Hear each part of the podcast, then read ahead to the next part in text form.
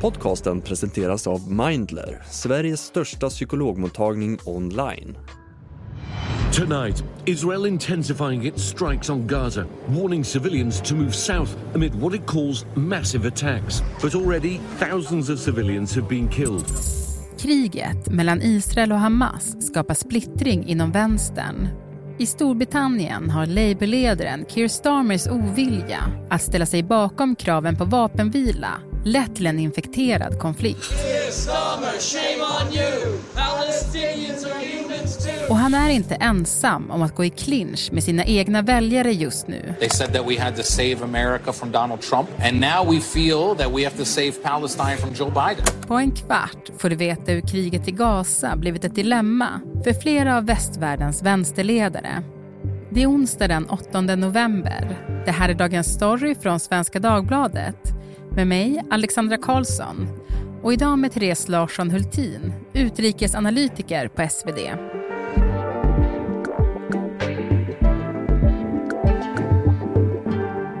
Du Therese, det är ju fruktansvärda bilder som kommer ut från Gaza.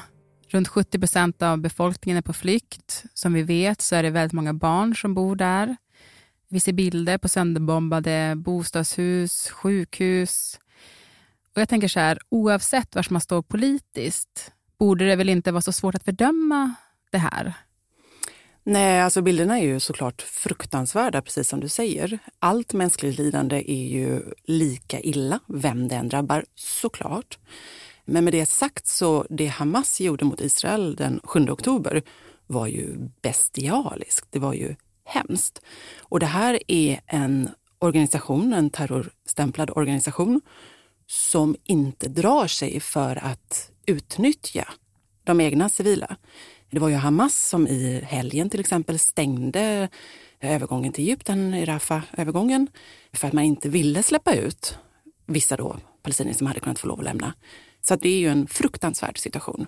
Men det är ju också en organisation som är hemsk å mm. ena sidan. Mm. Och det är de civila som får ta... Som får betala priset. Som får ja. betala priset. Och du Therese, du har skrivit en analys där du menar att det som händer just nu i Gaza, det är en extra svår fråga för vänsterledare runt om i Europa och USA att hantera. Varför då? Men vi ser det här i jättemånga olika länder just nu.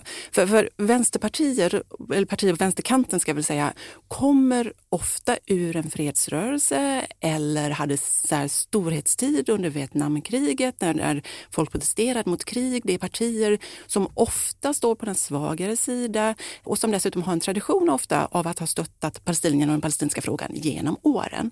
Och vi ser nu hur det blir väldigt svårt för vänsterledare, eh, Keir Starmer i Storbritannien, Joe Biden till exempel. Vi ser det i Spanien, vi ser det i Italien. Vi ser det i en lång rad länder där de får kritik från de egna leden för att de inte tar tillräckligt tydlig ställning för de palestinska civila. Eller rätt sagt att de inte fördömer Israel är väl snarare problemet eh, i att det civila drabbas. Eh, så det är en oerhört svår politisk balansgång. Mm. Men är det här kriget då extra svårt för dem? Absolut, för vi ser ju en väldigt tydlig skillnad om man tar till exempel då kriget i Ukraina. Och det här är också någonting som påpekas från de här leden, egna leden. You're happy to correctly use the most strong and robust language to describe the crimes against humanity of Vladimir Putin, but you will not use the same strength of language when it comes to describing Israel's treatment of the Palestinians. Som att, att det är väldigt lätt att fördöma Ryssland. Och nu är det här två helt olika saker ska vi också säga, så att ingen behöver skriva in och påpeka Det är helt olika krig. Mm. Men men det är mycket svårare att fördöma Israel inte minst för att det som Hamas gjorde var hemskt, men också det finns ju hela tiden den här frågan om antisemitism bubblande bakom och det här dåliga samvetet för vad judarna utsattes för under andra världskriget och så vidare. Det är en enormt infekterad fråga. Vilket inte minst alla vi som någonsin har skrivit någonting om Mellanöstern, journalister, märker. Så fort man skriver en rad så får man mejl från den ena sidan eller den andra sidan som kallar den för olika saker. Det, det kommer som brev på posten eller mm. ett, ett mejl i inkorgen. Mm. Ja, men om, om vi liksom zoomar in på Storbritannien, eh, där den här frågan är ju jättestor just nu, och tar Labourpartiet. Där har ju partiledaren Keir Starmer eh, varit väldigt framgångsrik. Alltså, just nu så är Labour mycket större än Tories i opinionen. Eh, men ändå så höjs nu röster för hans avgång. Mm. Och, ja, och det är just det här att Keir Starmer har vägrat uttala ett krav på vapenvila. While I understand calls for a ceasefire at this stage, I do not believe that it is the correct position now. Han har sagt att det är inte rätt sak att göra för det skulle bara hjälpa Hamas att kraftsamla. Och det har han fått enormt mycket kritik för, trots då att han har lett liksom, i opinionen med 20 procentenheter nästan i, i ett år. Och i måndags så hoppade 11 stycken lokalpolitiker av, en tredjedel av de egna parlamentarikerna kräver att, det här då, att Labourpartiet ska kräva en vapenvila. Eh, så det, det, det är en väldigt infekterad fråga. Och just i Kirsten Starmers fall så är den extra känslig eftersom de har den historia de har där den förra Labourledaren då, Jeremy Corbyn anklagades och sågs som att han drev partiet i en antisemitisk riktning. If they decide to go ahead with an investigation, we will give them the fullest possible cooperation. We do not believe we have anything to hide at all. Anti-Semitism has no place whatsoever in the Labour Party or the Labour movement. Efter att Labourpartiet under ledning av Jeremy Corbyn anklagats för antisemitism gjorde en av landets människorättsorganisationer en granskning av partiet. Och när rapporten släpptes hösten 2020 var slutsatsen tydlig. Vid flera tillfällen hade partiet undervärderat, talat ned och ignorerat klagomål som kommit från judiska medlemmar i partiet. It's hard not to conclude that antisemitism within the Labour Party could have been tackled more effectively if the leadership had chosen to do so. Jeremy Corbyn själv menade att utredningen var dramatiskt överdriven. The numbers have been exaggerated in my view. I don't accept that we were harassing people. No, I did not politically interfere. Partiet valde då att stänga av Corbyn. Ett beslut den nye ledaren, Keir Starmer, kommenterade så här.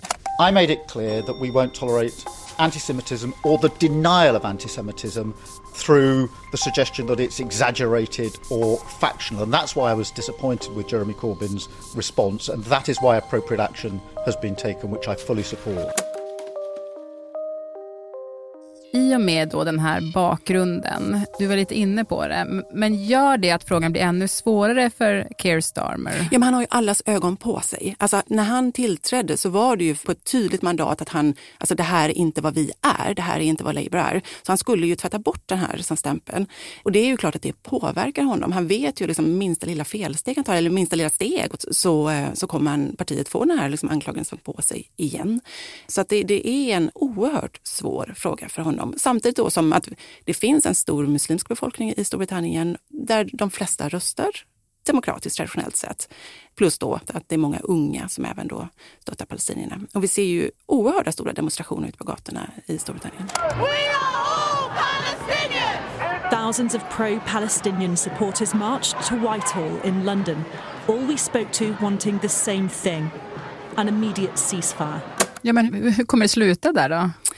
Ingen aning. Än så länge, alltså det, det, det beror ju på vad som händer också i Gaza. Alltså fortsätter det här lidandet så, och opinionen blir ännu tydligare så kan det ju hända att, liksom, att, att han tar tydligare, liksom, ställer de här kraven.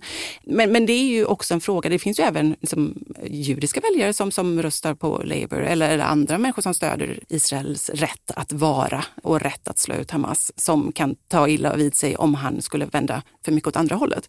Så att det är ju en väldigt svår balansgång. Mm. Men jag tänker också för han att navigera i sitt eget parti, om det finns den här opinionen i partiet. Det är också att hålla samman ett parti, det är inte bara att vinna mm. väljare. tänker jag. Ja, och det här var någonting som Paul Toynbee, som är en så kolumnist i The Guardian, väldigt tung, skrev om i, i helgen. Liksom att, att just nu håller Labour på att, att slita sönder inifrån. Och hon påpekar att det här är bara en löjlig fråga, för ordet vapenvila, vad är det? Det är inte precis som att Israel lägger ner vapen bara för att Labourpartiet Storbritannien säger att, att snälla gör det.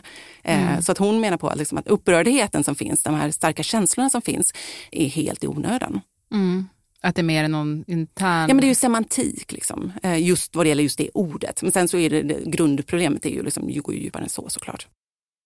Det är ju, som vi var inne på, inte bara i Storbritannien eh, som det här är en fråga för ledare på vänsterkanten att navigera i. Alltså i USA med Joe Biden ser vi ju samma tendenser. Mm. Och där, har ju också, där kan vi också se att opinionen till palestiniernas fördel hade svängt redan innan den 7 oktober. I våras var det en gallupundersökning som kom som visade att för första gången under mätningens historia så var det fler demokratiska väljare som stöttade palestiniernas sak än israelernas. Och det här är något helt nytt. För USA har ju otroligt nära band till Israel. Det ses som den absolut viktigaste, närmaste allierade som man stöttar. Väck upp en amerikan mitt i natten och sannolikheten åtminstone förr har varit att de sagt att vi står på Israels sida. Och så är det liksom då inte längre bland demokratiska väljare. Och det beror framför allt då oerhört många nya unga förstagångsväljare som ser helt annorlunda på saken och då amerikanska muslimer som ser annorlunda på saken. Inte alla såklart, men många. Mm. Hur påverkar det Joe Biden? Då? Ja, men det här kan, som jag också skrev i den här artikeln du nämnde tidigare, det här kan påverka valutgången. Både i Storbritannien där det ska hållas val någon gång under nästa år och i USA där vi vet att det är presidentval då i november nästa år. För att det är oerhört jämnt mellan Joe Biden och om det nu då blir Donald Trump som det ser ut att bli på andra sidan. I helgen kom en undersökning som visar att Joe Biden ligger efter i fem delstater. Farhågan ur hans perspektiv är ju att de här många unga väljarna, många muslimska väljarna, inte bryr sig om att gå och rösta, att de stannar hemma istället. För de ser inget bra alternativ som de kan lägga sin röst på. Och då, alltså det kan verkligen bli tungan på vågen. Man brukar säga att utrikespolitik inte påverkar amerikanska val. För det liksom brukar inte vara någon stor fråga. Men just i det här fallet, det här är en sån otroligt känslomässig fråga för många. Och då kan det bli att man, om man upplever då att, att Joe Biden ställer sig för mycket på Israels sida i det här fallet, eh, att man väljer att stanna hemma. Ja, men till sist så tänkte jag på en parallell som du drog eh, i din analys eh, om att de demonstrationerna vi nu ser eh, påminner om de som hölls inför Irakkriget 2003. Ja, det vi såg 2003 inför Irakkriget med de här stora protesterna eh, som var då. Det är inte alls lika många som protesterar nu men vi ser ändå stora protester och det, stämningen påminner om det som var då.